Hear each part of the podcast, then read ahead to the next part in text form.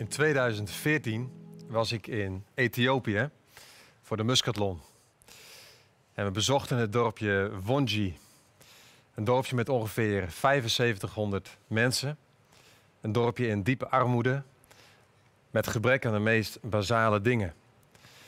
En bovendien ook een vergeten dorpje. Het was een dorpje waar nooit iemand kwam. En nu mochten wij daar zijn. Met Compassion 4M. En een groep van, ik denk zo'n 60, 70 muskatleten. En ehm, ik weet nog dat we daar liepen in dat dorpje. eh, door de straatjes. En dat er een jongen was van een jaar of 12, 13. Die kwam naar me toe. En hij pakte mijn hand. En ik voelde van, hé, hey, hij wil me ergens mee naartoe nemen. En ik liet mij leiden door deze 12, 13-jarige jongen. En hij bracht me over paadjes, straatjes naar een huis. En het bleek dat hij daar woonde met zijn familie. En we gingen dat huis binnen. En hij voerde mij naar een heel klein kamertje. En toen ik daar binnenkwam, schrok ik. Want daar in het kleine kamertje was een heel eenvoudig bed. En daar lag zijn grootvader. En zijn grootvader was doodziek. Diepe groeven in zijn gezicht. Hij was misvormd. Hij was verschrompeld. Hij was doodziek. En de aanblik vond ik heftig. Pijn en lijden, het confronteerde mij heel heftig. En ik keek naast mij en er was die jongen van 12, die kleinzoon. Hij keek me aan met hoopvolle ogen en hij zei: Pastor, pastor, you pray, you pray. En ik keek van zijn hoopvolle ogen naar zijn doodzieke grootvader. En wat er met mij gebeurde was dat, dat golven van onmacht over mij heen spoelde. Ik voelde ongemak. En ik schrok ook van de tegenstrijdigheid die ik voelde in mijzelf. Aan de ene kant, ja, ik wil hier zijn. Ik wil hier blijven. Ik wil toebewegen naar pijn en lijden, present zijn. En aan de andere kant, ik wil hier weg. Dit doet zeer. Dit is ongemakkelijk. Dit is onmachtig. Ik wil weg uit dit huis, weg uit dit kamertje, weg bij deze pijn. En ik voelde me verscheurd. Ja, ik ben bewogen en ik voel weerstand. Ik wil er zijn en ik wil weg. En ik heb gebeden en we namen afscheid. En vanuit het afscheid gingen we terug naar de bus. Op een gegeven moment zat ik daar weer met een groep onderweg naar het hotel. En ik voelde nog steeds die innerlijke worsteling in mij. De beweging er naartoe en de beweging er vandaan. En ik vroeg mezelf af, Theo, ben je daar wel echt geweest? In dat huisje, in dat kamertje? Ben je er wel echt geweest bij die grootvader die zo ziek was? Bij die twaalfjarige kleinzoon die zo hoopvol was? Ben je echt erbij gebleven bij lijden en pijn? En vier weken geleden sprak Mark over die grote vraag, het probleem van het lijden. Wat zelfs een eigen naam heeft gekregen, die vraag, de Theodicee. Als God liefde is en als God almachtig is, waarom is er dan zoveel lijden en pijn in deze wereld? Want als hij liefde is, dan wil hij dat toch niet? En als hij almachtig is, dan kan hij toch iets doen? Dus waarom is het er dan? En we hebben die vraag onderzocht. En vandaag wil ik stilstaan bij onze reactie op lijden en pijn.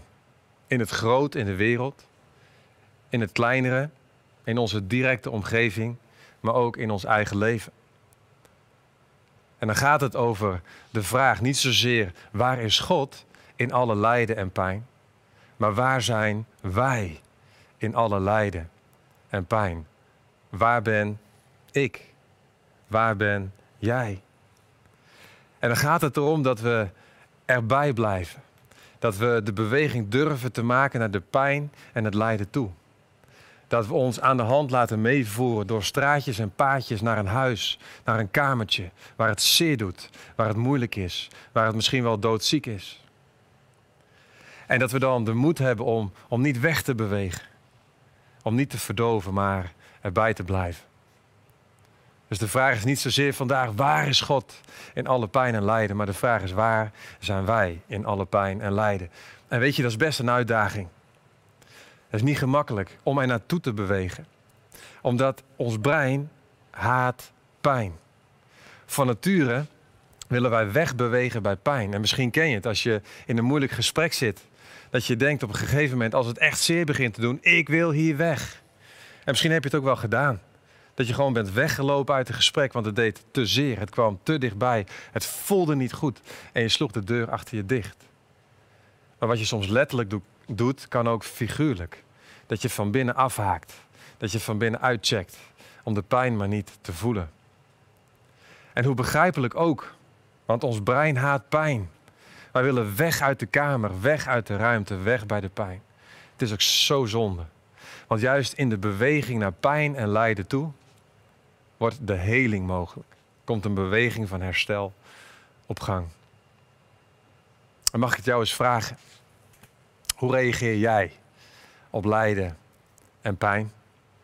Of het nou lijden en pijn is in het groot, in de wereld, sorry. Als je kijkt naar armoede, als je luistert naar het verhaal van Raphaël, als je kijkt naar slavernij of ellende of leed, maar misschien ook wel dichterbij. Hoe reageer je op, op lijden en pijn in relaties met mensen om je heen? Of misschien wel in de relatie met je vader of je moeder?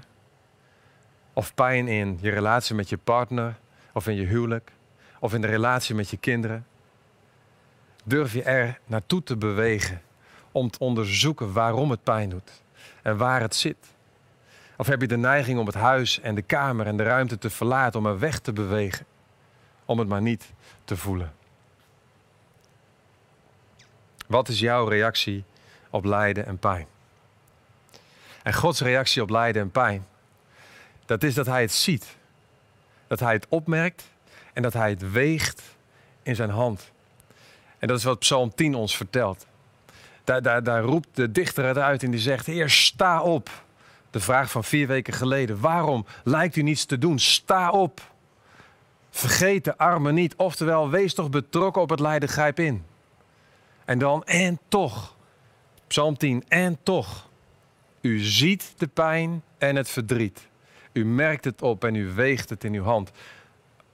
Gods reactie op lijden en pijn. Hij schat het op waarde en hij draagt het. Zo doet God dat. En dat laat hij ons ook zien in Jezus. En als de vraag vandaag dan is: hey, hoe reageren wij op lijden en pijn? Durven wij erbij te blijven? Dan wil ik met je kijken naar Jezus, hoe hij dat deed. In zijn diepste lijden, erbij blijven. Om te leren van hem. En ik wil met je lezen Psal, uh, Matthäus 27. Vanaf vers 27. Er staat het volgende: De soldaten van de prefect namen Jezus mee naar het pretorium en verzamelden de hele cohort om hem heen.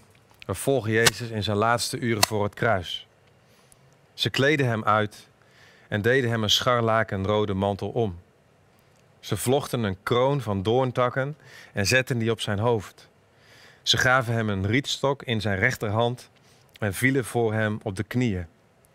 En spottend zeiden ze: Gegroet, koning van de Joden. Ze zijn aan het koninkje spelen.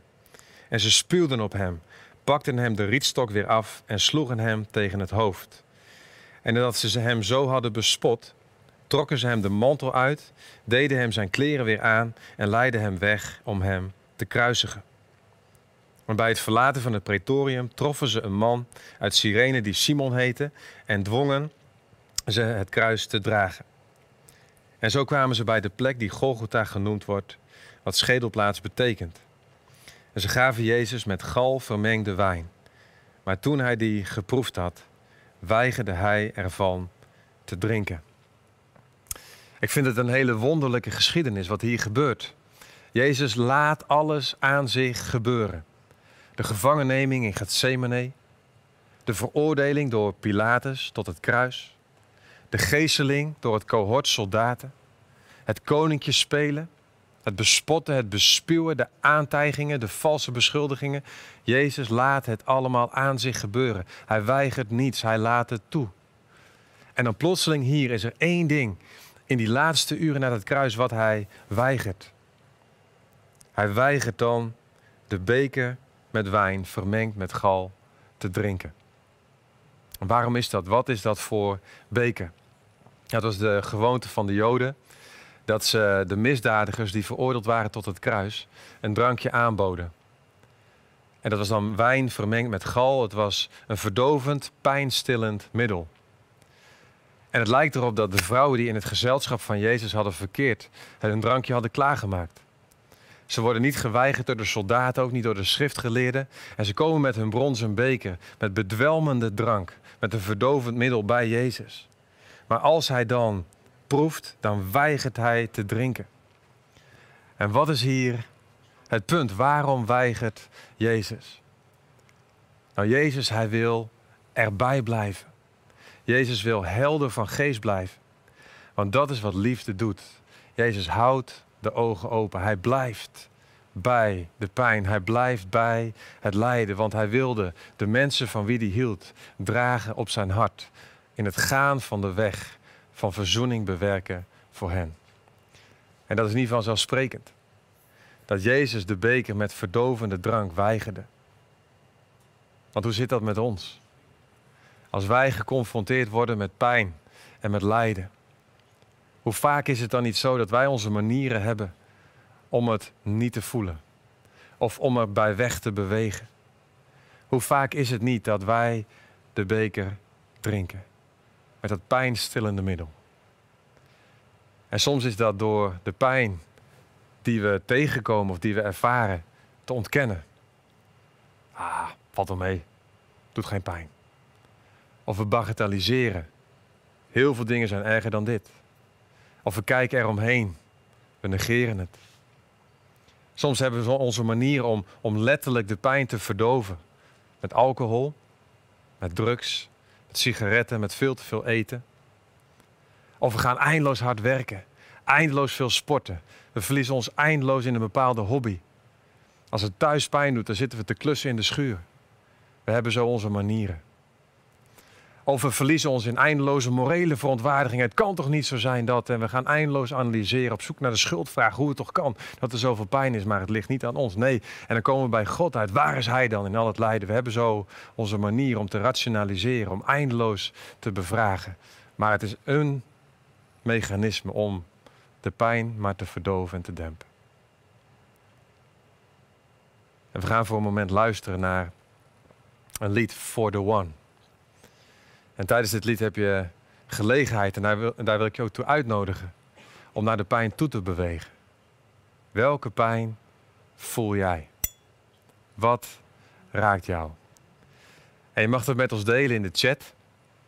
En als je de dienst later terugkijkt, kun je het delen ook in reacties. Ze staan beide open. Om daar eens naartoe te bewegen. Wat raakt jou? Waar zit jouw pijn?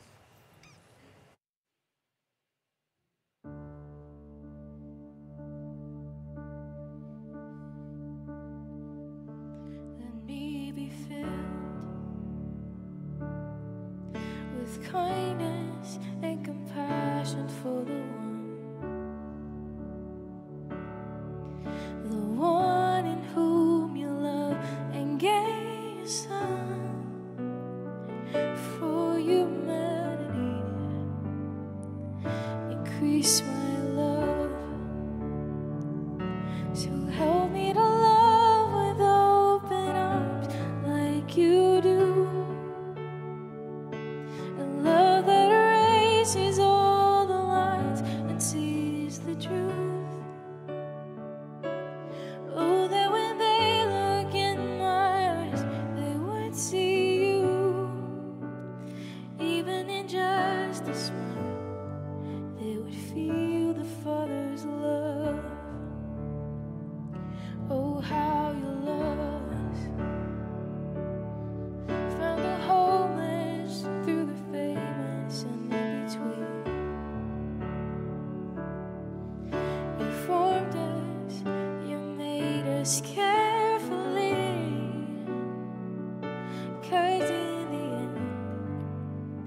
we're all your children.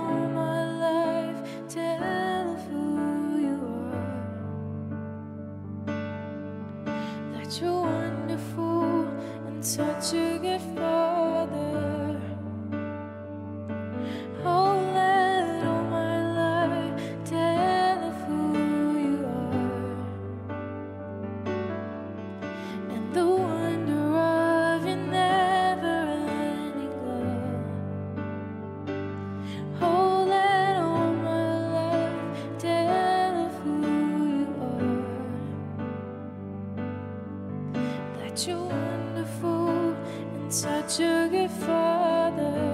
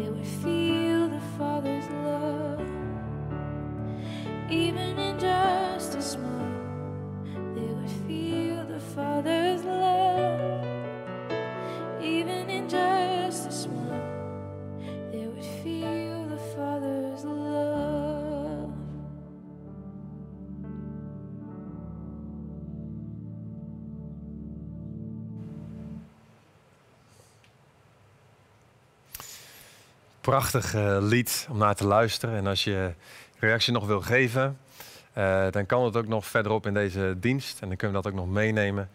Zo vlak voor de zegen komen we daar nog op terug. En ondertussen ga ik verder met die vraag van ja, maar waarom dan? Als wij die beker van de verdoving zouden weigeren. Waar leidt dat dan toe? Wat gebeurt er dan als we erbij zouden blijven? In dat huis, in die kamer, bij die pijn. Hoe wordt dan de beweging van heling mogelijk? Nou, we willen kijken voor een moment naar Jezus. Wat er gebeurt omdat hij die beker van de verdoving weigert. En het eerste wat er dan gebeurt is dat hij ons het ware gezicht van agape liefde laat zien. Want liefde houdt de ogen altijd open. Liefde doezelt niet weg. Nee, liefde blijft klaar wakker. En dat is wat we bij Jezus zien. Hij kiest ervoor om, om de ogen open te houden. En daardoor kan hij het volk zien. En de beulen zien en de soldaten zien. En vanuit hen te zien begint hij voor hen te bidden. Vader, vergeef het hun, want ze weten niet wat ze doen. Omdat hij de beker weigert, blijft hij erbij, houdt hij de ogen open en daardoor kan hij de misdadiger zien daarnaast zich aan het kruis. Die roept, denk aan mij. Jezus, denk aan mij. En Jezus is niet weggedoezeld. Jezus heeft zichzelf niet verdoofd. Hij is bereikbaar. En hij ontvangt de beden van de misdadiger. En hij zegt, vandaag nog zul je met mij in het paradijs zijn. Hij brengt hem thuis aan het vaderhart van God. Omdat Jezus niet wegdoezelde in een soort vergetelheid, maar omdat hij in liefde de ogen open hield. Ja, daardoor kon hij zijn moeder zien. Kon hij zijn geliefde vriend Johannes zien. En daardoor kon hij voor hen zorgen. Vrouw, zie uw zoon. Zoon, zie uw moeder. Als wij de beker van de verdoving weigeren, als wij durven toe te bewegen naar lijden en pijn en erbij aanwezig durven te blijven en de ogen open te houden, ja, dan tonen wij het ware gezicht van agape liefde.